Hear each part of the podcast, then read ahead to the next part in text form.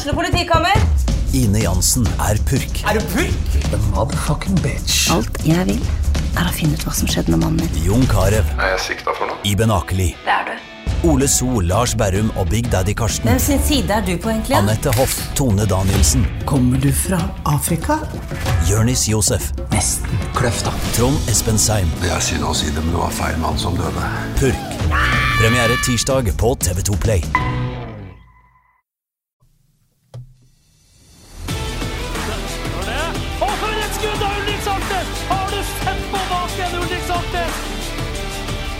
Og så er det skåring! Og så skårer Bodø-Glimt!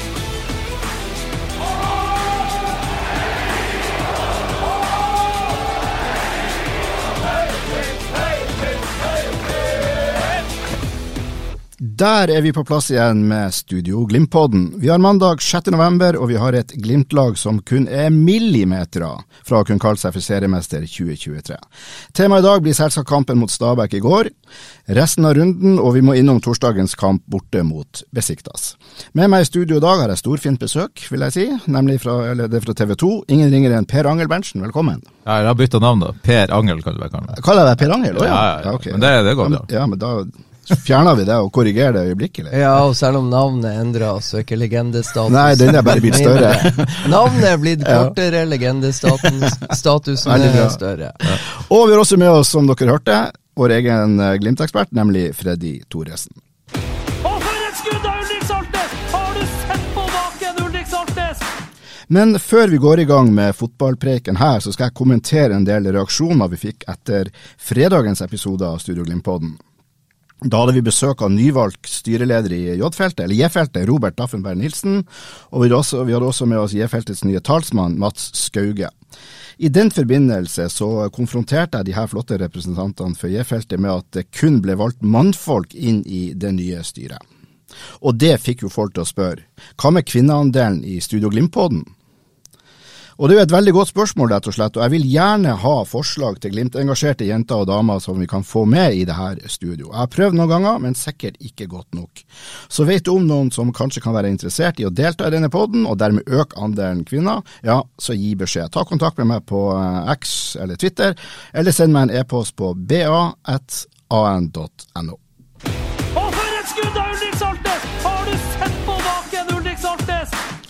Ok, da går vi i gang med helgas Glimt-kamp, og for en maktdemonstrasjon det der skulle vise seg å bli på, på Nadderud. Per, du var der. Jeg var der, og det var Nei, det, de første ti minuttene så var jo Stabæk god. De pressa Glimt høyt, og Glimt gjorde noen feil.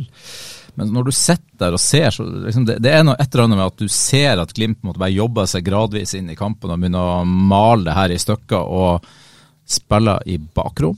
Vel, fant de løsningen fort. Vi så lange baller fra både midtstoppere og midtbanespillere, og da ble Stabæk usikker og senka seg litt. Og fra det øyeblikket altså, hadde jo Glimt den kampen i sin hule hånd. Så jeg syns Glimt greide å løse det her veldig bra, for de var ganske mye uvanlig pressa i starten. Kunne vi ha sett for oss at eh, Stabæk rett og slett tatt ledelsen og, og rysta Glimt? De hadde jo en liten sjanse, eller det var ikke noe, jeg vil ikke si det var en stor sjanse med Bakenga som kom på sida der. eh, Vinge og Bakenga spilte seg fri på, på venstresida til Glimt der. Og, eh, men eh, det, aldri, det føltes aldri sånn farlig, da. Men, eh, men eh, ja, jeg vet ikke. Det, hadde de tatt ledelsen 1-0 der, så hadde vi vunnet en annen match. Definitivt. Eh, De første ti minuttene som vi akkurat nå snakker om, da, jeg- jeg tror hadde Bris en eneste pasning, så gikk det en gul, uh, gul spiller. Jeg synes det, så, det virka så utrolig slurvete. Ja, det var ikke bare Bris som var slurvete, det var flere Gl- Glimt-spillere. var vel ikke slurvete, men de var litt sånn der passive og avventende. Og jeg frykta i forkant frontrekka til Stabæk med Kevin Cabran, som har kødda med Bodø-Glimt før. Mushaga Bakenga begynner å komme i form, og så satte jeg et utropstegn med Rasmus Eggen Winge. Som er det, det fotrappe, gode fotballspillere, og de fikk lov å kødde litt i starten. Jeg tror ikke det var de som var så veldig gode, jeg tror bare det var Bodø-Glimt som brukte litt tid på å komme i skikkelig modus, og etter ti minutter og et par små tilløp fra start. Nei, nå nå gira vi om og begynner å konsentrere oss litt, og det var det de gjorde, og da var det jo utklassing. Altså den eh, siste delen av førsteomgangen var de bare, Det var game set en match før pause, og i andre omgang blir det en transportetappe hvor det handler om å eh, ha mest mulig friske bein til det som skal skje i eh, Tyrkia på torsdag. Og det er jo imponerende måten de gjorde det på. Er, er du enig med meg, Freddy, at, at et, i fjor eksempel, så så vi sjelden Glimt når de ble høyt pressa og, og sleit i, med presspillet til motstanderen. at Da, da søkte de ikke bakrom så ofte. Jeg syns de er blitt mye flinkere til det de siste matchene. Ja, de er blitt flinkere til det, og de har eh, Det var faktisk, hvis vi går tilbake til første serierunde, så var det noe Altså Sarpsborg borte. Det er jo et litt sånn nytt Glimt-lag, en del nye spillere som skal inn i det her. Og, og da de var på, på, eh, i Sarpsborg, så var han jo fortsatt Joel Muka og eh, Hugo Vetlesen her, så de har måttet på en måtte bygd det opp på nytt. Men en av, et av virkemidlene i den kampen var av alle ting her i verden å ha Isak Helstad Amundsen som høyre back. Og du så det i oppbygginga på treninga inn mot den kampen, da, at de skulle være mye mer direkte. Pasninga skulle komme bakfra, fra venstre. Så skulle de overraske motstanderen med å løfte høyreback Isak Amundsen høyt. eh, og slå langt, så skulle han vinne første, og så skulle første ball høyt oppe eh, på høyre flanke og stuss ned til Faris Pemi, som da skulle være mer klar på at det der ville skje enn stopperne. Men ikke sant, så, så blir jo Isak skada i samme kamp. Det funka bra der. Det var en god, god kamp, og da så har de ikke hatt så voldsomt behov for det. Men de har hele tida hatt det og endra litt, og gradvis blir de tryggere og tryggere på det. Men vi ser fortsatt de har en del å gå på. Når motstanderen presser og det er Nikita Haikin som skal slå langt, så er det gjerne opp mot Faris Pemi, og han vinner ingenting, og de får ballen i returen. Så de, da begynner de å justere litt med å gå litt bredere med direktepasningen bakfra. Så ja, det er et mirkeviddel som de har putta i skuffa, eh, tatt frem igjen, og så blir det gradvis bedre. Og Det jeg syns er så befriende, det er jo det at når eh, sesongen skal avgjøres, så drar de det frem og lykkes. Ja, for 1-0-skåring er jo et direkte resultat av det. Et langt i bakrom til eh, Pellegrino også. En fantastisk uh, pasning til Sørli, som er jo bombesikker. Men der er jo noen som mener at vi i går i første omgang fikk se tre av Bodø-Glimts fineste mål denne sesongen. Ja, på, på, mange måter så var De det var jo- veldig forskjellige, og de Ja. var veldig lekkert gjennomført. Altså Mål nummer to var jo helt fantastisk. Nå talte ikke jeg trekk, da, men, men måten de broderte seg gjennom på høyresida der, var jo pure class. De har låst seg fast, og så bare står de med motstanderen 1,5 til 2 meter unna seg og ruller og ruller, og plutselig så ble det ei åpning. Og når åpninga oppsto, da gikk det litt for fort for hjemmelaget. Og den siste pasninga til Grønbæk der, sånn, skuddfint, altså bare legger han den til sida der, det er helt fantastisk. Ja. det, er, det er verdensklasse, rett og slett. ja, la oss være så er. Ja, det er det. Men er- Det er ikke sånn du ser ofte. Liksom. Nei, det er Og så det siste målet, da, med Fredrik André Bjørkan, som starta fra egen banehalvdel og bare gjør eh, alt sjøl. Fredrik André Bjørka. Ja, vet dere hva som er så skøy der? Jeg la jo merke til, altså Før Sandefjord kom på Aspmyr, altså var det alle ting her i verden bare ni spillere som hadde skåra mål for Bodø-Glimt i Eliteserien, og de har skåra mange mål. Mot Sandefjord, da kom Nino Sugelli inn, satte 2-1, eller hva det var. Hans første seriemål for året. Ok, da var vi oppe i ti. Hva når Lillestrøm kommer? Jo, Brede Mo, vet du. Stusser ballen med stjerten i, motsatt hjørne. Skårer sitt første mål for sesongen. Og Brisveen Bangomo ville jo ikke være noe dårligere. Skåra sitt første for sesongen i samme kamp. Plutselig var det tre spillere som ikke hadde skåra, som har skåra på to kamper. Og da er det en jækla god fotballspiller som står der og ikke har skåra mål i serien. Det fant Fredrik André Bjørkan ut når han vinner ballen på egen halvdel. Nå gjør jeg det sjøl. Med høyreslegga. Ja. Men, men, men når er det egentlig de går opp for han at det her faktisk blir en målsjanse? Han, han er jo veldig god på akkurat det han gjør helt frem til å avslutte. Han, han er jo avslutta sjelden. Jeg skal fortelle deg hvor tid det Ja, gikk ja. opp for ham. Det gikk opp for han på Haugesund stadion. Gå tilbake, snurr film. Da har han akkurat samme bruddet. Han gikk og gikk Mm. og gikk, og motstanderen rygga og rygga og rygga. Fredrik André ble, ble så forvirra at jeg kan jo ikke skyte sjøl. Begynner å lete etter andre. Det har han hatt i bakhodet hele veien siden, og så ble han en ekstra påminnelse når de andre begynner å skåre, og ikke han. Så når det skjedde nå, så var han tilbake på Haugesund stadion. Nå gjør jeg det Men jeg garanterer jo at i garderoben der, når høyreback Bemogono skårer sist, så tenker jo han ikke At han skal være den eneste bekken som skårer fine mål i krysset. Det er noe der òg, at du Helt klart. Og han Jeg garanterer deg at det her har vært et tema. Selvfølgelig har det vært et tema. og Gutta mobba han. Ja, Ja, ja, ja, det ja. Er helt, helt overbevist. Så, men det var jo fantastisk. Det er jo et kunstverk. Og det viser jo fotball er av og til enkelt. Mm. Gå rett frem. Du har dem inne i boksen, så er det du som Hvis du er i forkant og tar på en måte eierskap til situasjonen, så eh, skal det lite til for å sette en nølende forsvarsspiller ut av spill. Og det var jo det som skjedde. Mm. Men det var i hvert fall tre eh, lekre mål, og da var kampen egentlig kjørt. Da var, etter, etter det, etter pause hadde jo Stabæk ingenting å fare med, og Glimt var vel helt happy med det. og Ja, Jeg snakka litt med kommentatorene våre, Morten Langli og uh, Simen Stamse Møller etterpå. De var åh, den var seig den andre omgangen, sier Morten. Det var liksom ja. lose i havn og skape engasjement der når, når Glimt leder 3-0 og Stabæk har null å komme. Det, det, det, var en tung dag på jobben for gutta, tror jeg. Ja, og Stamse Møller sa det vel hvis førsteomgangen opplevdes som at den varer en halvtime, så eh, begynte andre omgang nå å nærme seg en time. Men, men jeg syns vi får se en interessant eh, greie med Bodø-Glimt der. Eh, de blir jo mer opptatt av å bare drepe kampen, ta ut tempoet, hold, vær tålmodig og bare ta ut minst mulig krefter og bare safe det der inn. Og det er også en egenskap i fotball. Men det, så, men det er en artig konsekvens av akkurat det der, nettopp i TV-sendinga deres. Det er jo at eh, kommentatorene da eh, benytter anledningen til å hylle Glimt nærmest i 45 minutter. For det var det de måtte prate om. Ja prate om hele sesongen, om spillere. så Det ble jo veldig eh, artig for oss som har hjertet i gult, da, å, å høre på den sendinga. Tross alt. At det ikke skjedde så mye på banen. det var så. Jeg hadde ikke sendinga på øret, så jeg kan ikke uttale meg om hva de sa. Men, Nei, men men, var- jeg vet jo at altså, hadde, Apropos Simen Stamse Møller, jeg tror jeg meldte Freddy om det, men jeg hadde jo en greie med han at alle poengtapende Glimt hadde han kommentert. Fram til Vålerenga på, på Aspmyra. Og da snudde det. Etter det så har Glimt bare vunnet hver gang. Ja, da setter du han på de ja, for han sendte meg bare et sånt bilde av et sånt spøkelse i svaret.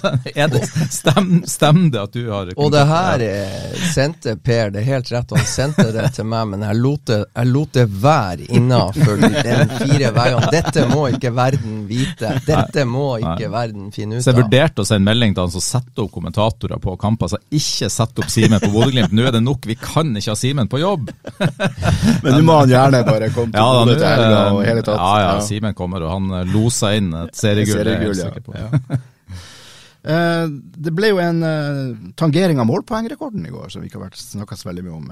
Altså, Pelle har jo, med sin målgivende i går, så har han jo tangert Sinkernagels 30 Nei, jo, 37. Ja, jeg tror det kan ha vært 23 23-14. Ja, 23-14. Så nå har han, nå har han 37 målpoeng. Ja. Jeg tror eh, Philip eh, kommer til å miste eh, førsteplass før sesongen er over. Ja. Det er vel veldig sant. Jeg tror det. Kan miste den allerede til Ja, Det er ganske sterkt av en kantspiller eh, i en alder av 33 år å rade opp eh, 23 mål og eh, 14 assist. Og det var jo en eh, småpen eh, assist, ei småpen pasning i, i fullt firsprang. Det er ikke eh, det er, det er vanskeligere enn vi tror, tror jeg, det der å prekke en gul en inn i boks når du er i nesten maksfart på én touch. Så eh, vakkert. Ja, veldig bra. Veldig bra. Ekstremt. Det vi også så et veldig tydelig tegn på uh, i går, det er jo at uh, alle spillerne ser ut til å være i form.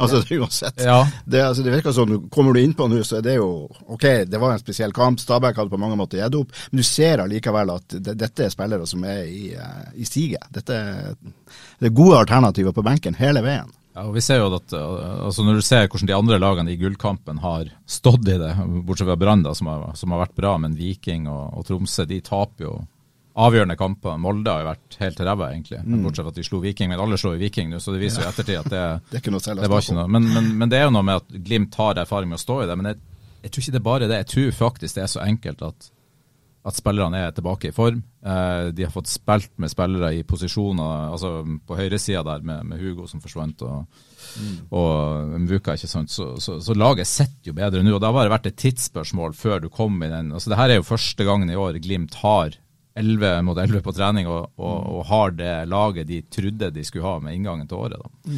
Så jeg tror det er et veldig underspilt poeng. Eh, Vi har prøvd å nevne det her, men, det, men timinga på at alle som har vært skada, eh, blir skadefri, er det ene. Men det er klart, uh, Ulrik Saltnes og Sondre Brunstad Fet har vært tilgjengelig over tid.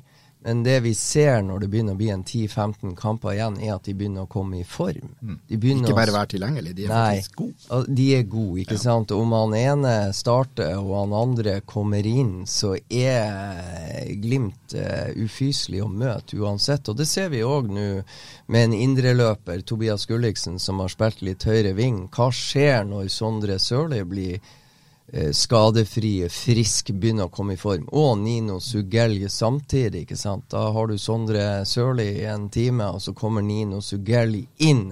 Når du som venstreback begynner å bli rimelig sluttkjørt, så kommer det en frisk eh, innbytter som er enda jævligere enn uh, Sondre Sørli. Og helt annerledes, egentlig. Ja. Også, det, det, er jo mm, ja. sånn, ulike typer. Da. Mm. Det er det verste du vet som backup. Ja. Det, og, og, den, eh, Vi ser jo at uh, Kjetil Knutsen rullerer mer, og Ulrik Saltnes er uenig hver gang, men det blir jo bra også hver gang. Sondre Brunstad Fet leverer godt. Ulrik kommer inn som innbytter, leverer godt. Ulrik starter neste kamp, leverer godt. Så nå har de mye å velge i, og det er jo fortsatt folk på benken som venta på å komme inn i, også i går, men som ikke fikk lov. ikke sant? Så, mm. Jeg må bare skyte inn det jeg syns faktisk det er kult at Ulrik er litt uh, misfornøyd med at han ikke får starte. Jeg klarer ikke å, å kritisere han for det. Jeg syns det der er en bra egenskap av en vinnertype som han. Og, og han, han, leverer, og at, at han, jeg ser han får en del pepper i sosiale medier for at han sutrer eller eh, syter, som de sier. Men det, jeg ser ikke på det på den måten. Jeg syns det der er en, eh, en god egenskap hos Ulrik, at, han, at han, han mener han skal spille. Det, jeg tror det faktisk, sånn som jeg kjenner fotballtrenere, og jeg kjenner mange av dem etter hvert, så, så setter de pris på at folk er ærlige og, mm. og, gir også uttrykk for at de er misfornøyd. Hadde han vært sånn ja, greit nok, så hadde vi jo satt han ut av laget neste kamp. Mm. Hadde jeg vært trener. Ja. Det viser litt med sultne. Men jeg må berømme Saltnes uh, iskald han setter inn det 4-0-målet. Ja. Eh, det er jo det er ikke mange som er så rolig som Saltnes i en sånn situasjon, tenker jeg da. Og så har han jo seks mål ja. i årets sesong, og det er ganske mye av det med tanke på Jeg vet ikke hvor mange kamper han har, det vet sikkert du, Nei, det, men, men, det er bra snitt, tror jeg. Veldig ja, det, det, er utrolig bra. Seks mål fra midtbaneposisjon, og bare det i serien, ikke sant. Og, og han kom jo inn ja. Han kom inn og skåra, men da var han jo ikke i nærheten av å være matchfit når han avgjør mot Tromsø i mm. guddommelig skåring. for den saks skyld. Men, men, det er klart han er mye bedre form nå enn han var da han kom inn mot Tromsø og skåra 3-2-målet der. Så seks mål på en halv sesong, det er ja. jo formidabelt, egentlig. Ja. Det, er det. det må vi gi han kred for. Det skal vi gi han kred for. Men en annen ting Børre, som jeg syns er litt artig, det er jo det faktum at Bodø-Glimt nå er 20 poeng foran Molde. Ja, det er helt utrolig. Det er ganske mye. Ja, det er helt vilt. 64 på Glimt, 44 på Molde. Og så er det 28 poeng foran Rosenborg. Det, det, er jo også, også veldig artig. Det er også veldig artig. Men, men tenk deg, det er ikke så lenge siden Glimt spilte mot Molde, og da hadde Molde slått Glimt. Altså vært fem poeng imellom dem. Ja. Og nå er det 20. 20. Ja, Molde har, etter at de slo Viking 4-0 hjemme og skremte vannet av alle, så har de mm. tapt fire på rad i serien. Det er nesten ikke til å tro. Nei, og i mellomtida slått eh, Hekken 5-1 hjemme. Et Hekken-lag som faktisk slo Malmö mm. hjemme i Allsvenskene i går. Ja. Så så jævla dårlig kan det jo ikke være, Hekken. Nei, Nei det er forunderlig. Hva skjer med Molde, egentlig? Hva kan vi eh, Jeg tror eh, Jeg snakka litt med faren til Ola Brynildsen, Rune Brynildsen, som er en gammel kollega, men han var jo i TV 2 før. Men jeg litt med han innimellom. Han, han Ola forsvant jo. Jeg tror det er en viktig årsak. Men han sjøl, kanskje for å være beskjeden, men han mente at uh, tapet av mannsverk var mye verre for Molde. Sånn i, i forhold til hvordan de spilte, da.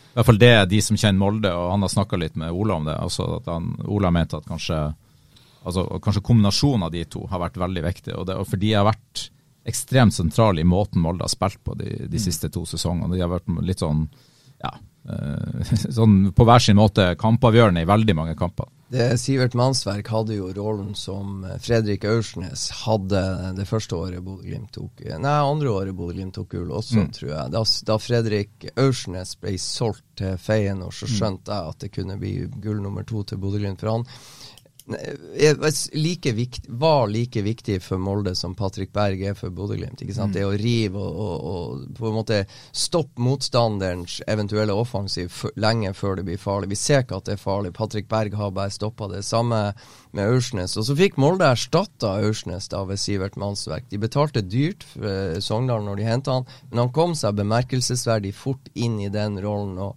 og på en, var på en måte sheriffen deres sentralt på midtbanen. Og så mista de Fofana foran denne sesongen Mm. til Chelsea, og når du da mister Ola Brynildsen For det er klart, Brynildsen og Fofana på topp med en sheriff eh, på sentral midtbane, da tar du ut det som gjør at eh, Molde vant veldig, veldig mange kamper i fjor. Og det er ikke bare å erstatte eh, sånn helt uten videre. Men uh, skal vi si noe mer om kampen, Glimt-kampen i går, eller er vi uh... Jeg, tror, jeg, jeg, jeg, satt jo midt oppi det her rasismebråket der. For det, eh, pressetribunen på Nadderud er jo rett bak Stabæk support. Uh, og det var en litt sånn pussig situasjon, for det, Bakenga kom jo bort der rett etter Glimt har gått opp til 3-0. Og det var veldig få som egentlig fikk Det var ingen som hørte noe, at Bris hadde blitt kalt noe. Jeg hadde i hvert fall ikke hørt det. og Jeg snakka med alle andre på pressetribunen, ingen hadde hørt noe. Og det var jo ganske stille på tri tribunen der etter at Glimt hadde Forståelig. gått. Eller etter 2-0 så var det jo Kunne nesten høre alt de, alt de sa, hva som ble tenkt der. Men, eh, men, men, men eh, det var et eller annet liksom det, det var, Jeg har egentlig aldri opplevd at først en spiller går bort til fansen og bare sånn Hei, sånn skal vi ikke oppføre oss. Gå bort og si. Og så begynner de sånn Hva, hva mener du? Ja, det Rapportene går på at dere har kalt eh, noen en jævla svarting, sier Bakenga. Og da blir det sånn unison nei, nei, nei, nei, og folk står og vifter med armene, og de nekter på det. Og så står bare Kenga der. Er dere helt sikre? Ja, ja, ja. ja, ja. Bare sånn, OK, da stoler jeg på dere. Og så i mellomtida står Bob Bradley der og liksom begynner å unnskylde overfor fansen den dårlige førsteomgangen. Og si at jeg tror på det dere sier. Eh, hvis dere sier det ikke var noe rasisme, så er det greit, men uh, stick with us, guys. Stick with us in the second half. og så, det var veldig sånn spesiell stemning, og jeg tror kanskje at det også påvirka litt sånn som andreomgangen ble, da. Ja. For det, for det så Patrick Berg i pauseintervjuet der òg var, var tydelig på det her, så jeg tror nok det gikk litt inn på folk, den situasjonen som gjorde at det fotballen kanskje ikke ble så viktig, eller jeg vet ikke. Men det, det, var, det var en veldig spesiell stemning der, som ikke jeg har opplevd på en eliteseriearena før. Ja, så, er oppfatt, altså, så virker det jo på meg som at eh, alle involverte i Stabæk eh, tar tak i ting der og da, på direkte. Det var en voldsom aktivitet. Ja. Han Posse Lindboe eh, med, med rastaflettene, som sikkert mange kjenner, han, altså, de gikk jo rundt der og Mm. snakka med alle folk. Så de tok tak i det med en gang, det skal de ha. Altså. Så det var en voldsom aktiv aktivitet rundt supporterne. Og så ble det litt sånn rar stemning pga. det òg, ikke sant. Det var vakter, det var litt politi. Og, så det, det er klart det påvirker også spillerne, tror jeg. Ja, så er det jo synd at det oppstår rett etter at uh, Bodø-Glimt sjøl mener, eller enkelte Glimt-supportere mener at det var rasisme på Aspmyra, både mot Besiktas og Glimt-spillere sist torsdag, ikke sant. Så uh, i første mulighet etterpå, mer eller mindre på bortebane, så, så får Glimt møte sjøl. Så det er klart, det der må man bare ta ved rota. Og så- Og det virka det som Stabæk gjorde. Ja, det gjorde det. Og så-. Og tror jeg også man skal Det sa vel også uh, Yao, ja, vår ekspert som, som sjøl har spilt i Stabæk, og som, som er mørk. Han sa jo det at det, det er ikke noen grunn til å tvile på hvem Bongono eller Bris når han sier det. da. Ikke sant? For det, det er liksom Det der er jo ikke noe som vi som ikke er mørke kan, kan føle på kroppen, men de føler jo det veldig mye sterkere enn oss. Så, så jeg tror det er viktig å, å, å ta dem på alvor og tro på det de sier. Absolutt.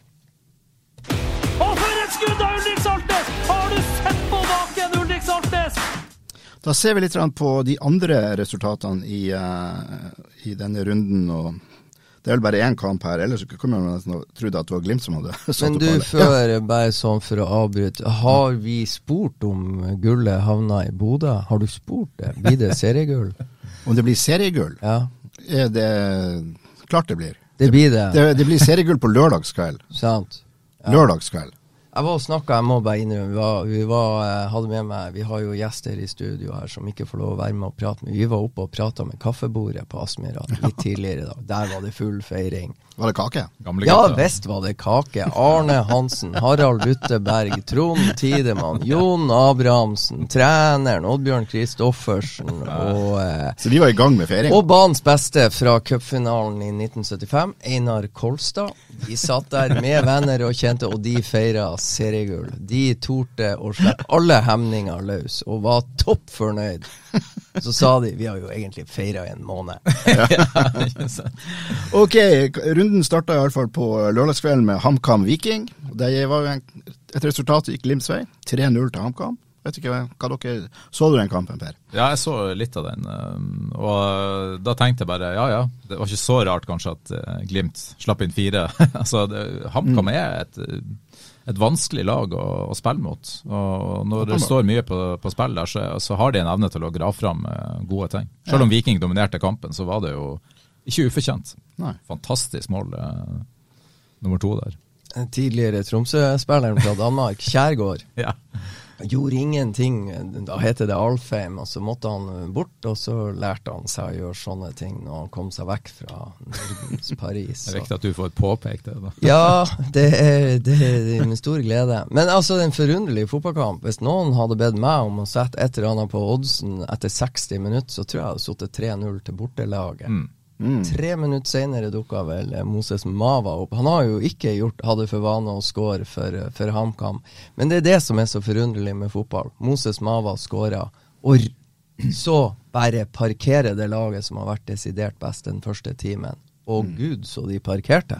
Og det er litt sånn man har sett med Viking i det siste, at de har ja, de mister litt sjøltilliten, tror jeg. Ja. De får en imot, og så ser du at da mister de litt eh, trua på seg sjøl og, og det de faktisk kan. Men fram til det så, så var de jo steike gode, rett og slett. De var det, og, men all kred til, til HamKam, som faktisk klarer å bli så ja, hva man skal si herja med, da, mm. en times tid. Og så bare gir de ikke opp, for det er jo fortsatt 0-0, selv om de er blitt herja med.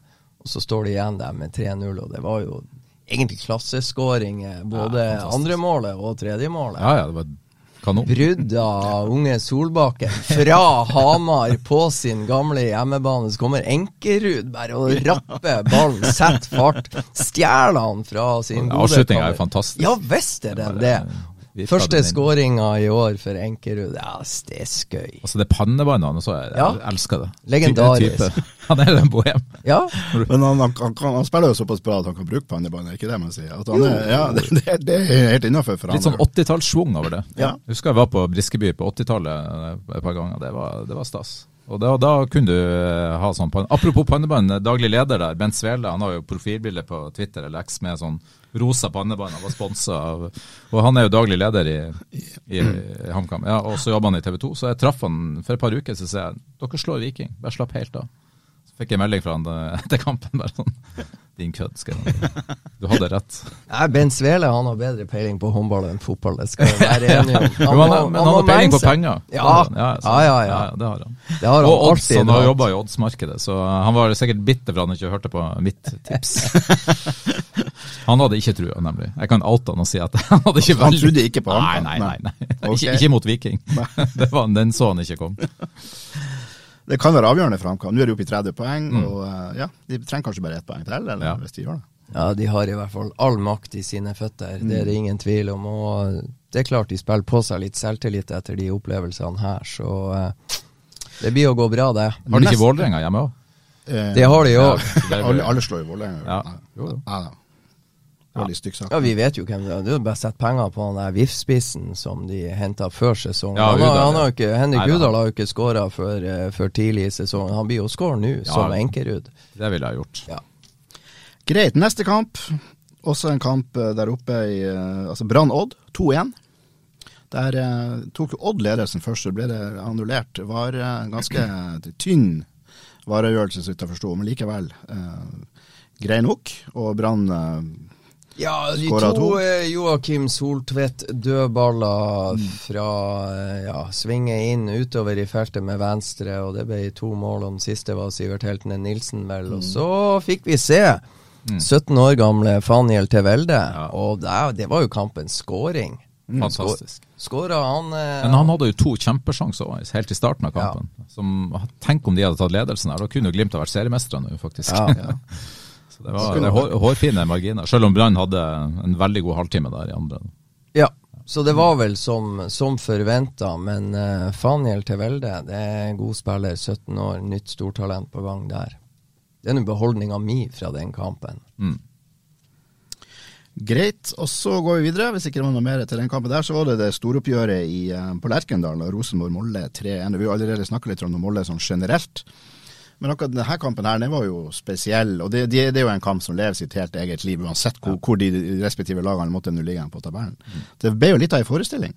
Ja, det var jo eh, Jeg trodde jo liksom at uh, dramaet på Nadderud og rasismegreier skulle nå høyt opp på TV2.no i går, men det ble det kamp om plassen, for å si det sånn. Så, så det, alt der bidro det med video og alt mulig, det ble jo satt langt ned i køen. For det var jo Nei, jeg har ikke sett maken. Det jeg her, det her til Ole Sæter er jo Det er jo vanvittig eh, scene. Ja, det er vanvittige scener. og jeg Altså, du, du på at han går ut som uh, Ja, på benken og dytter, går ut på banen og dytter en, eh, kan, en uforvarende Molde-spiller i ryggen. Og, jeg kan ikke huske at en spiller i elite, Har det skjedd før i Eliteserien? Ikke i moderne tid, i hvert fall. At en Nei. spiller blir utvist med å gå ut på banen sånn, det, det kan jeg ikke huske. Og, og eh, så fortsetter du da når, når du nå får jeg, jeg, jeg skulle ha vært i det disiplinærutvalget når de skal på en måte eh, vedta hvor lang straff, hvor mange kamper han må stå over. For det der må man jo kalle soleklart direkte rødt kort. Ja. Og eh, jeg vet ikke hvor det står at det ikke er lov å, å gjøre det han gjør der. Så jeg er spent på om det blir to eller tre kamper. Det er det ene. Men når han følger opp med å gå, Og blusse. gå opp i lag med Tjern og står der med bluss Mhm. Hadde det vært Glimt-spiller, så hadde han vært utestengt i 15 kamper. Ja, nei, det, det, det forundrer. Det er god underholdning for de som er der, men hvor smart det er. Og, og Norges største klubb eh, Jeg vet da søren hvor stolt de er av eh, spisskjempen sin som oppfører seg på det der viset. Han har jo beklaga, det skal jo sies. Han har jo Ja. beklaga og lagt seg flat og alt det der, og det har klubben sagt seg fornøyd med, så de gjør ikke noe mer med den blussepisoden enn bare å si at eh, det var ikke bra. Ja, det er helt spesielt. Og du, men det har også vært litt fokus på dommeren i ettertid. eh, Din favoritt, Ja. eh, Roggi. Han er jo Altså, Det var mange som mente at han la lista for høyt, for du så jo altså, altså det ble jo så hett i toppen der. Og kanskje i et sånt oppgjør der det er mye følelser i bunnen òg, man kanskje legger seg på en litt lavere list. Jeg vet ikke, men Nei, det er det ene, men altså når du, når du tar den der taklinga av Adrian Pereira Man kan jo på en måte diskutere det opp og i mente eh, Twitter er ganske enstemmig på rødt der, direkte. Og, det, og det forundrer meg, for altså, det er jo noe med en, I regelboka, det har jeg sjekka med en del dommere, hovedoppgaven til dommeren er å beskytte spillerne. Og det er klart det at eh, det Adrian Pereira gjør der, hvordan det går an å bli gult, og bare gult, og man har var, og man kan gå inn og se i etterkant. Og så ligger Pereira der og gliser, og en som drar og tar litt kvelertak på han, ja, han skal selvfølgelig få gult. Han Molde-spilleren som er og skal stramme han opp litt. Så hvorfor det der ikke er rødt, det skjønner jeg fortsatt ikke, og ingen kan klare å forklare meg hvorfor det der ble eh, rødt. At jeg syns det er troverdig. Det var mye rart. God underholdning. Ja, fantastisk. Og de jubla jo på desken i TV 2, for å si det sånn. Der var det hallelujastemning. For når du får servert sånne kamper på rekke og rad, så er det jo Det var jo voldsom eh, På underholdningsfronten så var det jo terningkast seks, men sånn, sånn sportslig sett, måten det ble håndtert på der, så er det jo er veldig mange spørsmålstegn der. Men, så, men målene var jo fantastiske. Ja. Altså det, det, det målet Det var det 2-0-målet til Rosenborg der. Ja. 2-1, kanskje. Ja, 2-1. Leo Kornic kommer inn ja. der og får sin andre målgivende. Ja, det var fantastisk. Og Og foran kjernen, og mer ekstatisk kan det ikke bli. Jeg er bare forundra over at uh, Molde spilte jevnt med én mann mindre så lenge på Lerkendal, så det de gjorde mot et Rosenborg-lag som, uh, som hadde elleve. Det er ikke så lett å spille, elleve 11 mot 10. Nei. Det viser jeg, men uh, Rosenborg fiksa jo det, da. Men målet til Molde òg, fantastisk mål. Så det var jo Ja. fire helt kongemål der, så selve matchen òg var jo enorm, egentlig. Det var jo Artig at to middelavsvarere kan skape litt underholdning. ja, ikke sant? Tenk at vi skulle brukt det uttrykket om de to om, lagene. om det er en kamp. Men det er det som er sant. To, de er jo 20, henholdsvis 20 og 28 poeng bak Bodø-Glimt. så- Ja, nettopp. Så å være såpass dårlig, så var det en bra kamp. Det Er det vi skal konkludere med? Ok, vi, vi går videre. Det var LSK Haugesund 1-0. Eh, Kanskje en totalt uinteressant kamp, men eh, Ja, det var nå eh, Espen Garnås hang i lufta og stanga inn. eh, Det var bra innlegg. Innlegg fra sida Ibrahim Ai. Flott innlegg. Hang og stanga inn mot formlaget Haugesund, som har vært bra etter at de skifta trener. og de var vel egentlig ikke dårlige i går heller. Nei, Spilte vel nei. egentlig ganske, Ja. ganske greit på, på Åråsen. Ja, altså eh, Lillestrøm var glad. De måtte vente litt på, på vinnermålet sitt, så eh, de eh, sleit mer enn de ønska mot en, eh, et godt bortelag som, frems, eh, som fremstår i en helt annen form enn det de gjorde eh, i august. Så er det Sarpsborg-Vålerenga 3-2, og fortsatt full krise på, på Valle.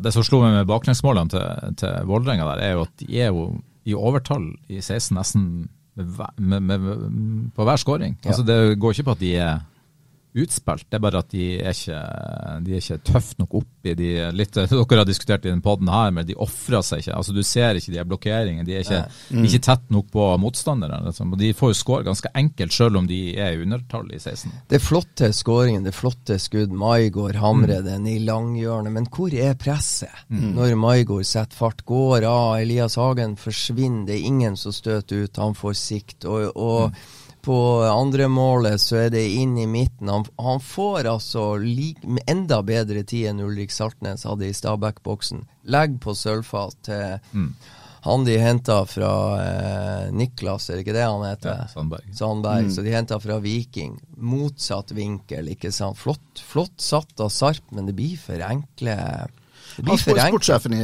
i Vålerenga, han som var TV hva han, Joakim Jansson. Jo, han er jo blitt intervjua i dag, og han, han snakka jo om at det er noe med kulturen.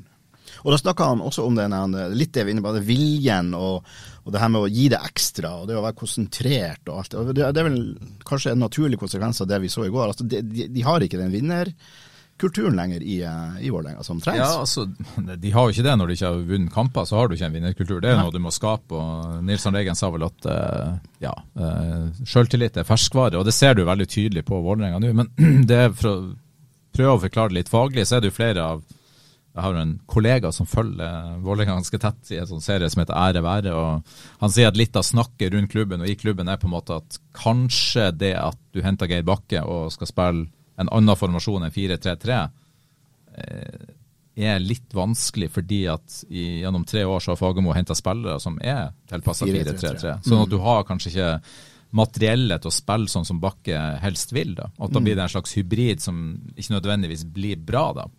Så jeg, jeg vet ikke, men, men eh, det kan være ei forklaring på det. Ja, jeg tror det er en veldig god forklaring, og så tror jeg en annen forklaring er at eh, det Vålerenga-laget var på gang helt til de møtte Bodø-Glimt to ganger. Eh, Tapte 4-2 eh, på Aspmyra, og så skal de eh, spille seg sjøl til Ullevål og spille på seg god selvtillit. Jeg syns de gjorde en veldig god kamp i semifinalen. Det var en veldig god fotballkamp i semifinalen på i den tidlige tid. Så dukka Faris Pemi opp med årets skåring i norsk fotball. Tre minutter før slutt. Vålerenga hadde også muligheten til å sette 3-3, og så blir det i stedet 4-2. Der og da, etter det, har det vært litt vanskeligere for Vålerenga. Og som Per er inne på, det der å spille på seg. De gjør en god kamp, men du får ikke så mye selvtillit når du, når du ryker, ikke sant.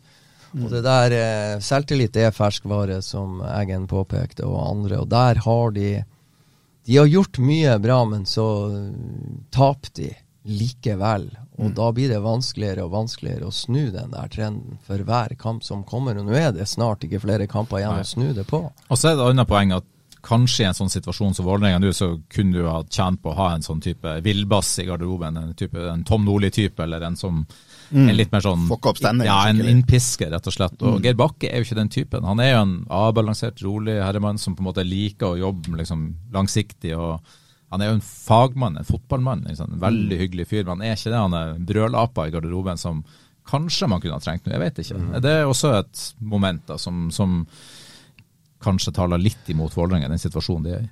Ja, og nå når det nå da fortsatt er knallhard konkurranse om sølv og bronse og fjerdeplass i Eliteserien, så er det jo forfriskende at det er så utrolig jevnt, tett og spennende eh, i bunnstriden også. Så enhver serierunde har betydning eh, i øvre og nedre halvdel, og det er jo kjempeartig. Så møtes lagene innbyrdes. òg? Ja, Du har jo. Vålerenga, eh, Stabæk Og så Vålerenga HamKam. Ja. Ja. Det er ja, det er så gøy. Og så er det en spennende kamp i mandag kveld mellom eh, Sandefjord og Ålesund. Eller Ålesund og Ålesund, Sandefjord. Ja, I kveld, ja. Så det vil jo eh, eh, Altså Nødvendigvis skal det deles ut noen poeng, så om det er jevnt og tett og spennende før den kampen spilles, så blir det jo enda jevnere etter den er spilt òg. Og så er det den siste kampen vi skal nevne, da. Det er jo eh, godbiten fra Romsa Arena i går kveld. Tromsø-Strømsgodset 0-1. Freddy. Freddy. Jeg gleder meg. hva, hva har du på hjertet? Ja, men det er jo så nydelig. Her har Tromsø vært og smekka Viking 3-4, eller 4-3 borte. Og så spiller de jo Molde på Aker stadion ut. Molde avslutta jo kamp. Da var de om bord i ferga som gikk på utsida av stadion på vei ut mot ei eller anna øy for å skjemmes. Og, og Tromsø-fansen og tilspillerne kan juble og kose. Ikke. Vestnes det heter det? Jo, Ja. Vestnes. På vei ut til Vestnes, vet du. I nærheten av Rekdalen. Rekdalen. Nei, men uh, det her er ikke første gang. eh, det her minner meg veldig om en kamp tidlig, altså i sommer, hvor Odd var på besøk, og en spiller ingen av oss hadde hørt om før han kom inn og gjorde 1-0 på Romsa Arena etter Borch Bang Kittelsen. Mm. Han ble skada rett etter han, med venstre, i akkurat samme nettmaske som eh, denne unge innbytteren til eh, Strømsgodset traff. Det var litt lengre avstand på skuddet til han eh, Odd-spilleren. Men Nei, det er jo typisk, da. Du skal levere. Alfheim eller Romsa er kledd til fest, og hjemmelaget skal levere etter to formidable prestasjoner på bortebane. Så går det til helsike. Og det gikk jo til helsike også i, først, i siste forsøk på hjemmebane. Mm. Før de dro bort. Og det, de presterte altså å tape for Ålesund. Ålesunds tolvte forsøk. De har elleve bortetap, så ferdig til Romsa og vinner. Så eh, nei, det lå litt i lufta. Du pleier jo å nevne og trekke frem den kollegaen din oppe i Tromsø, eh, Rune Robertsen. eh, og Han har jo virkelig fått kjørt seg på i sosiale medier i helga, hvor folk har drevet og lenka til hans berømte kommentarartikkel fra 18.9, hvor han skrev at nå står gullet mellom står det kampen mellom Tromsø og Viking. Ja. Det gjorde jo det i Stavanger. Og, det, og, det, og den var det Tromsø som vant. Men du kan ingen, er ingen av de hvis det var seriegullet det var snakk om, Ja, det var seriegullet så eh, ja. Nei, eh, det tenker Rune Robertsen hvis Tromsø hadde gjort jobben mot eh, Odd hjemme, Strømsgodset hjemme, Ålesund. Ålesund hjemme, så kan du sette deg ned, Rune, ta frem kalkulatoren og se hvor Tromsø hadde ligget da. Ja, da hadde det vært spenning. Men det er jo det vi ser, at Tromsø mangler kanskje den rutinen da, som Glimt har i, mot litt svakere lag. da. For de er jo, Tromsø har vært kanon i toppkampene. Tromsø har vært steingod, men eh, så er det Min påstand er at Tromsø er steingod borte mot Viking, borte mot Bodø-Glimt, borte mot Molde. For da møter de hjemmelag som vil frem og angripe litt. Grann. Og når de møter en motstander som vil angripe litt, da er Tromsø på sitt aller, aller beste. Kynisk, hold ballen i laget. Teknisk, rulle, rulle, rulle, rulle. Tålmodig, vent, stikk. Og det gjør de. Hjemme mot en motstander som spiller ræva-fotball, hvor de mu, skal mure igjen og mure igjen og mure igjen, så er det ikke like lett. Nei, det så vi i går. Ja.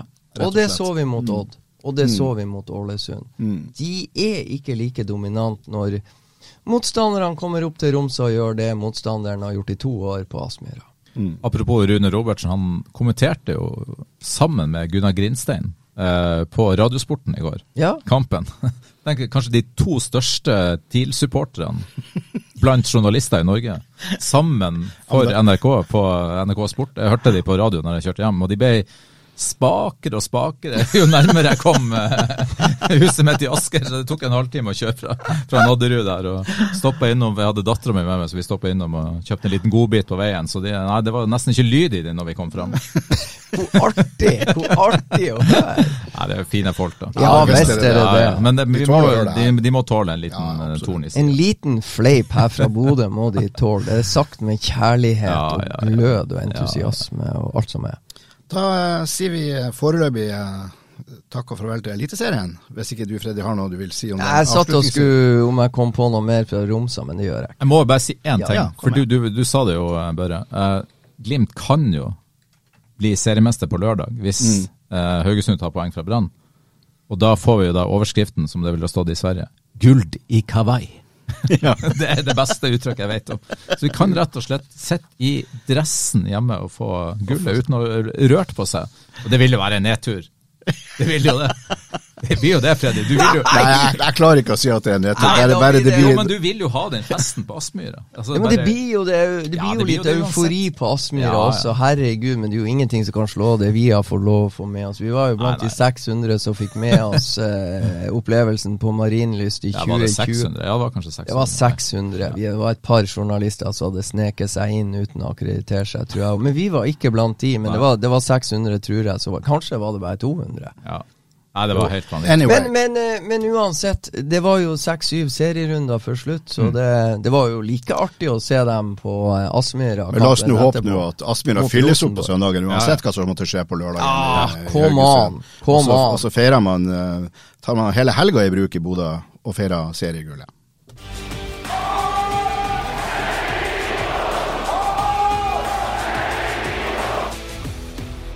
Men før det blir mer serie, så skal det spilles Europacup, og torsdag er det da bortekamp for eh, Glimt mot Besiktas. Freddy, hva tror vi der? Det var jo en eh, solid seier på hjemmebane, men det er jo noe ganske annet å spille en kamp mot, Besiktas i Istanbul. Ja visst er det noe annet. Det, det er det. Og, men jeg har fulgt litt med Besiktas etter at de var på besøk i Bodø, og der er nå en del sånne ting som jeg håper å få eh, vite litt mer om. Eh, de tapte. Besiktas tapte borte nå mot Antalya. Tapte i går, ja. Ja. Mm.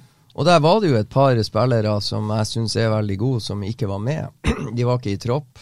Eh, Jeg vet ikke om eh, Abu Bakar, denne spissen fra Kamerun, hadde karantene. Det kan godt hende. Han var ikke på banen, han var ikke i tropp. Mens Rashid Gesal, som eh, jeg ble imponert over på Aspmyra, så jeg ble skada etter 21 minutter i første kamp etter Aspmyra.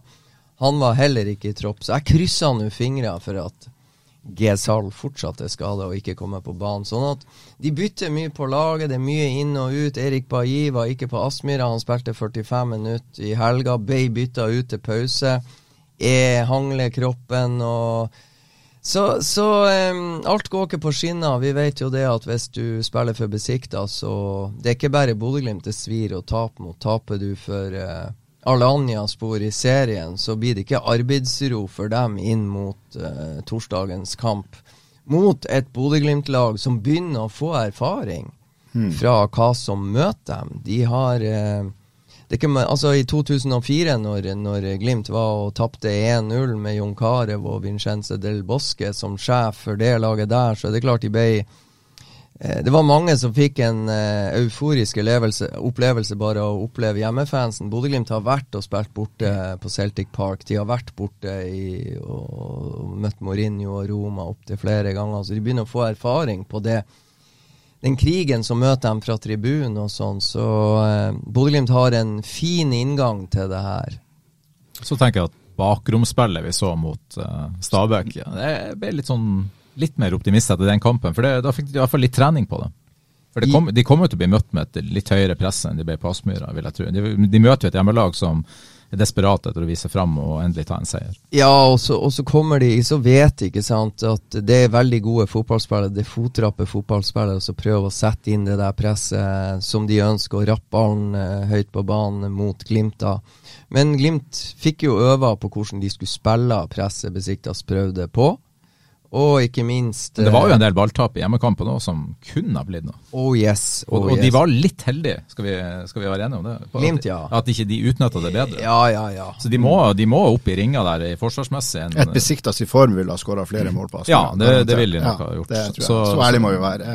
Så du ser jo de har gode spillere som er i stand til å, å, å, å, å liksom rive stykker Glimt sitt possession-spill, og det skal de passe veldig for, tror jeg. Og så er det nok lettere på, et kunstgre- på en kunstgressbane Mm. Eh, på Nadderud, og, og, på, og ikke minst motstanderen òg. Det er kunstgress. Motstanderen er ikke så god som oss. Det er klart eh, et besiktaslag på gress setter der eh, presset, så tror jeg også med, med Altså, du har ikke den samme roen og, og tryggheten i valgene dine. Mm. Så, men det blir en veldig interessant kamp. Det blir det. Uh, jeg tror også sånn at uh, på, i Istanbul, hvis, hvis Glimt holder ut la oss si et kvarter eller 20 minutter uten å slippe inn noen mål, så har publikum der en tendens til å vende seg mot si, sine egne. Det er jo nesten som en slags drøm hvis man bare klarer å holde tett altså jo, så lenge som mulig. Så plutselig så er ikke hjemmepublikummet noen fordel for dem lenger. Nei, det, det- de er veldig utålmodige. De er veldig utålmodige. Det, Det så vi også mot eh, altså Da Vålerenga spilte 3-3 mot dem uh, i sin tid, i 99, så var det jo det som skjedde. Mm. Plutselig kontra eh, De lå under 3-0 Ja, etter første omgang. til pause. pause. Ja, til pause, og så skåra Karev og Kaasa, jeg husker ikke hvem siste var. Ja, og det fine Og da ble det helt stille på tribunen. Ja. Og du så jo folk bare ha, sendte hatmeldinger. Det var jo liksom, nei, det var voldsomt, altså. Ja, treneren til det, Drillo Olsen gjorde jo noen genistreker i garderoben til, til Vålerenga i den kampen. Hjemmelagets trener tok jo ut to av de beste på 3-0 til pause. Ta han jo ut to av de beste midtbanespillerne sine. Og løpskraft og ballsikkerhet og alt som var. Det angrer han sikkert på i dag. For det ble en annen kamp. Jeg vil tro at, at Besiktas eh, møter Bodø-Glimt med en ganske stor respekt på, eh, på torsdag. Det gjør de nok. Og så, så tror jeg det er en fordel for Glimt at det er mange store navn på det laget. Når du, når du sier Bailly og Oxlade Chamberlain og alle de her. altså Det er jo landslagsspillere fra, fra hele verden. Men, men, men det er jo en fordel ofte at du har lag som kanskje har større navn enn de har lag. Mm. du Ja, Navnene var, er større enn laget. Det ja, det var det, og det var jo det Bodø-Glimt beviste på Aspmyr, at de har en bedre enhet, Mm. ikke sant? Et bedre kollektiv, så jo alle. Altså den første vendinga i første omgangen som uh, Oxlade Chamberlain hadde, og, og Glimt-spillerne hang etter, og Mm. de kom bare ikke oppi. Og så gjorde han da et feilvalg når han begynte å nærme seg 16-meteren. Så du ser det er gode spillere, men, men lagmaskineriet kan funke litt bedre for, eh, for Bodø-Glimt. Og det blir uhyre interessant. Vi vil, vi vil vel si oss godt fornøyd med ett poeng er der borte, vil vi ikke det? Eller, ja. Jo, i utgangspunktet har vi sett nå en mandag med seriegull eh, på vei inn, på vei posten nordover. Så, så, så føles det Vil jeg være fornøyd med, med uavgjort der. Og så er det kanskje vel så viktig at, eh, at Brygge slår Lugano. Mm. Mm. For å, å Hvis Philip Sinkernagel og Hugo Vetlesen gjør jobben i Belgia, så og slår Lugano, så kan på en måte Brygge stikke av, og så kan Bodø-Glimt på en måte posisjonere seg mot de tre andre. og klare en eh, Jeg må, skal bare innrømme at det er så lenge siden. Det har vært så nært et par ganger på bortebane mot god motstand. Eh, Senest det skuddet i Lugano etter 90 minutter. Albert Grønbæk i stanga. Jeg ser den jo på vei i mål, men merkelig nok så gikk det stolpe og langs streken og ut. Så, og det var vel en stor sjanse borte mot Lech Poznan, Hugo Vetlesen, og, og Albert Grønbæk har også hatt sin Hugo hadde borte PSV. mot PSV. Ja. Så det der eh, Det er fullt mulig for Bodø-Glimt hvis de tør å slippe seg løs og være seg sjøl. Og det tror jeg de kommer til å gjøre. Altså. Jeg tror, Nå er jo ikke jeg fotballtrener, jeg har trent et småguttelag en gang i tida. Men bortsett fra det så har jeg dårlig trenererfaring. Men jeg tror jeg ville henta opp den Molde-kampen. Spille litt sånn som de gjorde mot Molde. Da spilte de en solid bortekamp. Solid defensiv. Sett Pelle på benken, altså. Nei, det ser jeg ikke, men, men, men, eh, men Nei, nei. eh, du skjønner hva jeg mener? Ja. Altså litt den innstillinga. Mm. Ja, og så, så er det ikke sant det er perfekt eh, for Bodø-Glimt. De har eh, om det er fire, fem, seks seire på rad. Det er klart det er selvtillit. Det er mange som vil spille. Det er konkurranse om plassene. De, de kommer inn. Det er full harmoni og moro eh, i forbered forberedelsesfasen for Glimt-spillerne. Og så er det ditto uro, støy og, Mm. og, og litt sånn kaos, la oss nå si det sånn, i Besiktas eh. Bes- Besiktas kom jo til Bodø og valgte ikke å trene, hvis ikke jeg husker feil. De er et av de lagene som har kommet her og bare sagt at vi behøver ikke noe treningsøkt på Aspmyra. Mm. Glimt drar vel såpass ille at de får kjørt ei økt på uh... De skal ut og smake på banen, ja. Ja. og kjenne på omgivelsene, kjenne på gresset og føle på det onsdag formiddag. Ja, det skal de. Reise ned på tirsdag, da. Ja. Ja. Så De kjører samme prosedyre, og det, det tenker jeg er sterkt for Glimt. De har en sånn, Bortsett fra den ene kampen borte i Øster, så kjørte de litt annet opplegg, men Glimt har jo rutiner på ting. Og det tror jeg er veldig smart. at du på en måte Da er det bare en vanlig bortekamp i Europa. Du liksom kjører samme oppskrift, om det er Besiktas, om det er Arsenal eller hvem det er som står på motsatt side. Så at de Ja, det er en just another day at the office. ja. De er vant til det og, og har seg sine rutiner. Så For det, for det er jo suksessoppskriften til Glimt, sånn, sånn jevnt over. At, de- at, de, at de gjør det samme hele tida. Ja, og så, og så var det da, ikke sant, de skutt i høyden, om det var i Armenia. Høyde, høyde både høyde og varme. Og da eh, sjekka de med folk som har bedre peiling, og den der akklimatiseringsproblematikken i forhold til høyde i Armenia. Den unngikk de hvis de ankom senest mulig og kunne bare Altså in and out. Så det eliminerte de to problemer. Varmen, hvordan man håndterer det, og eh, høyde. For du blir sløv x antall, altså 48 timer etter ankomst. Da er du på det sløveste. Et eller annet sånt. Det er sikkert ikke 28. Nei, 48, sikkert 36. Kan jeg fortelle en historie når jeg har vært på treningsleir med Ingebrigtsen-familien i Flagstaff? Så Før så var jeg jo såpass god form at jeg kunne jogge med dem når de hadde sånn kjemperolig tur på sone 1, der de nesten ikke hadde puls. Så kunne jeg sprenge nesten alt jeg hadde, og så kunne jeg sprenge 10 km sammen med dem. Da, da greide jeg å holde følge, og da var jeg helt ødelagt etterpå. Men hvis jeg gjorde det på dag én jeg var der, i høyden, så var det mindre problem. Hvis jeg gjorde det på dag to, hadde jeg ikke sjans. Så det, det er liksom det et eller annet og det har jeg erfart ganske mange ganger på kroppen, at du tar første joggeturen du har i høyden, går helt fint. Dag to jeg sa at Du du har følt det. Ja, ja, og det, det På er kroppen. Ja, Ja. på kroppen. Og det, det er ikke noe tull, altså. Det, det er faktisk, altså Selv vi som ikke er topptrent, merker det ganske godt. Men jeg må bare høre, hvor, hvor eh, Det var jo en cupfinale for ikke så altfor lenge siden mellom Molde og Bodø-Glimt, og da var det jo det som var Jeg vil ikke snakke om den, men det blir en revansjemulighet nå, da. Men det artige med den cupfinalen var jo når du var på, på joggetur eh, og kom inn joggende inn i studio i cupfinalesendinga til AN. Hvor, hvor sliten var du da i forhold til det du var da du prøvde å henge deg på eh, familien Ingebrigtsen i Flagstaff? Nei, det, da jeg var min Eller jeg dro på ganske bra, for jeg var litt seint ute, egentlig. Så jeg hadde jo egentlig ganske bra. Men det var nedoverbakke, da. Så vi må alltid litt sånn uh, man, man drar i litt for mye. Det er det som, nå har det vært New York Marathon i helga, og det, det er mange som brenner seg på at de springer for fort ned i bruen. For da, får, da, da, blir, da blir beina veldig sånn Ja, du blir, du blir Syre ødelagt i beina. Ja, nei, du får ikke syre, men det er muskulært. Ja. For det er tungt å sprenge nedover. Og folk som trener på maraton, de sprenger stort sett bare på flatmark. Så um, rådet til alle som skal sprenge New York Maraton, for å snakke om det, spreng mye nedoverbakke. Spreng opp til turisthytta eller det nye Hollywood Hotel, og så sprenger du alt det du kan nedover. Så er du, så er du klar for New York Maraton. I forberedelsesfasen, Ja, det, sant? ja. Ja. Nei, Der lærte du noe nytt, Børre. Ja, det gjorde jeg.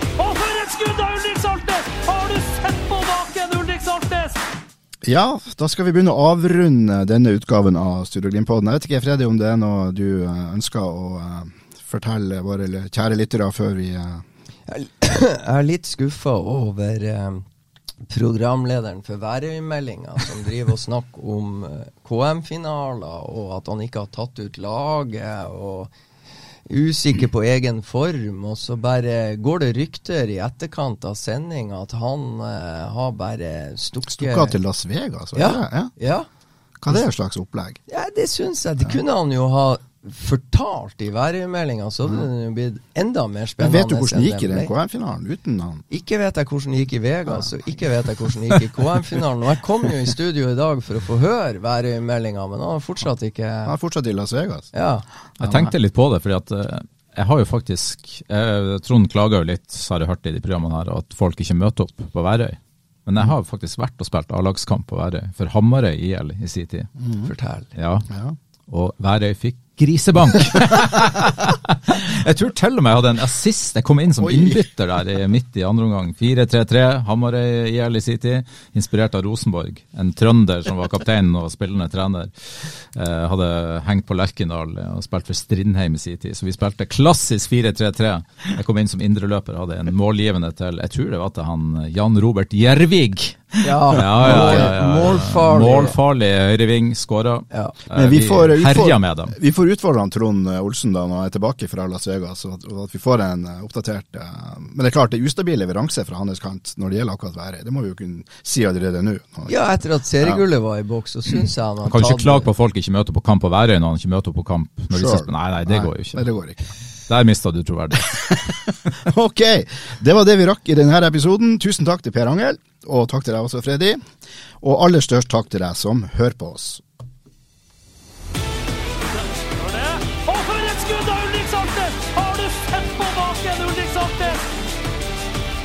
ser det skåring, og så skårer Bodø-Glimt.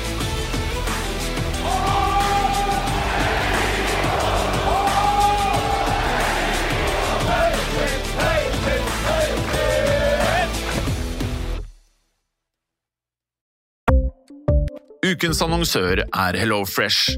HelloFresh er verdens ledende matkasseleverandør og kan være redningen i en travel hverdag. Mange av oss har nok vandret i butikken både sultne og uten en plan for middagen, som ender med at vi går for de samme kjedelige rettene gang på gang. Middag burde være dagens høydepunkt. Som HelloFresh kan du nå velge mellom 25 ulike retter hver eneste uke, eller få HelloFresh til å sette sammen menyen for deg. Dette gir deg muligheten til å prøve nye og spennende retter alene eller sammen med familien. Du velger antall porsjoner og får alt levert på døren på et tidspunkt som passer for deg. Oppskriftene er enkle, og maten er lett å lage både for store og for små. Ved å få alt levert hjem får du også mer tid til å dele matgleden med familie og venner. Kanskje det frister med asiatiske tacos eller greskinspirert kylling? Da kan jeg anbefale deg om å gå inn på hellofresh.no. Her kan du bruke koden FOTBALL og få opptil 1779 kroner i rabatt på de første fem matkastene hvis du ikke har prøvd HelloFresh tidligere. Du kan også bruke rabatten hvis du har vært kunde og stoppet abonnementet ditt for tolv måneder siden eller lengre. Gå inn på hellofresh.no og bruk koden FOTBALL. Har du et enkeltpersonforetak eller en liten bedrift? Da er du sikkert lei av å høre meg snakke om hvor enkelt det er med kvitteringer og bilag i fiken, så vi eh, gir oss her, vi. Fordi vi liker enkelt. Fiken superenkelt regnskap.